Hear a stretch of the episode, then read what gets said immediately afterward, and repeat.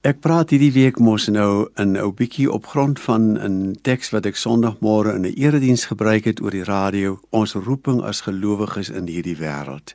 En ek kry swaar om so hot en haar in die Bybel te spring en toe ek nou maar gedink ek sal omdat die teks in Filippense staan, sommer die hele week hierdie pragtige oggend en aand geleenthede saam met jou as gelowige dink uit die Filippense brief.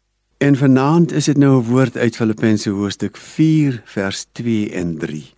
As jy die brief ken of dalk sommer lus het om hom hierdie week in jou stilte tyd te lees, gaan dit oor die vermaaning van Paulus aan twee dames, Euodia en Sintige in die gemeente om eensgesind te wees in die Here. En dis nie 'n nuwe gedagte in Filippense nie. In Filippense 2 het hy al gepleit by die gemeente vir eensgesindheid.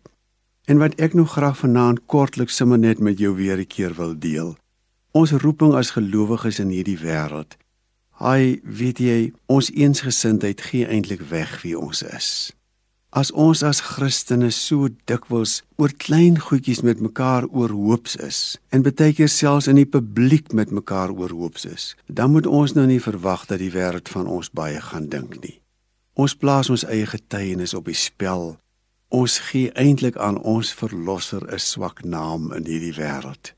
Dis Ek wil nou maar sommer net vanaand weer met die woorde van Paulus by jou pleit en by myself pleit.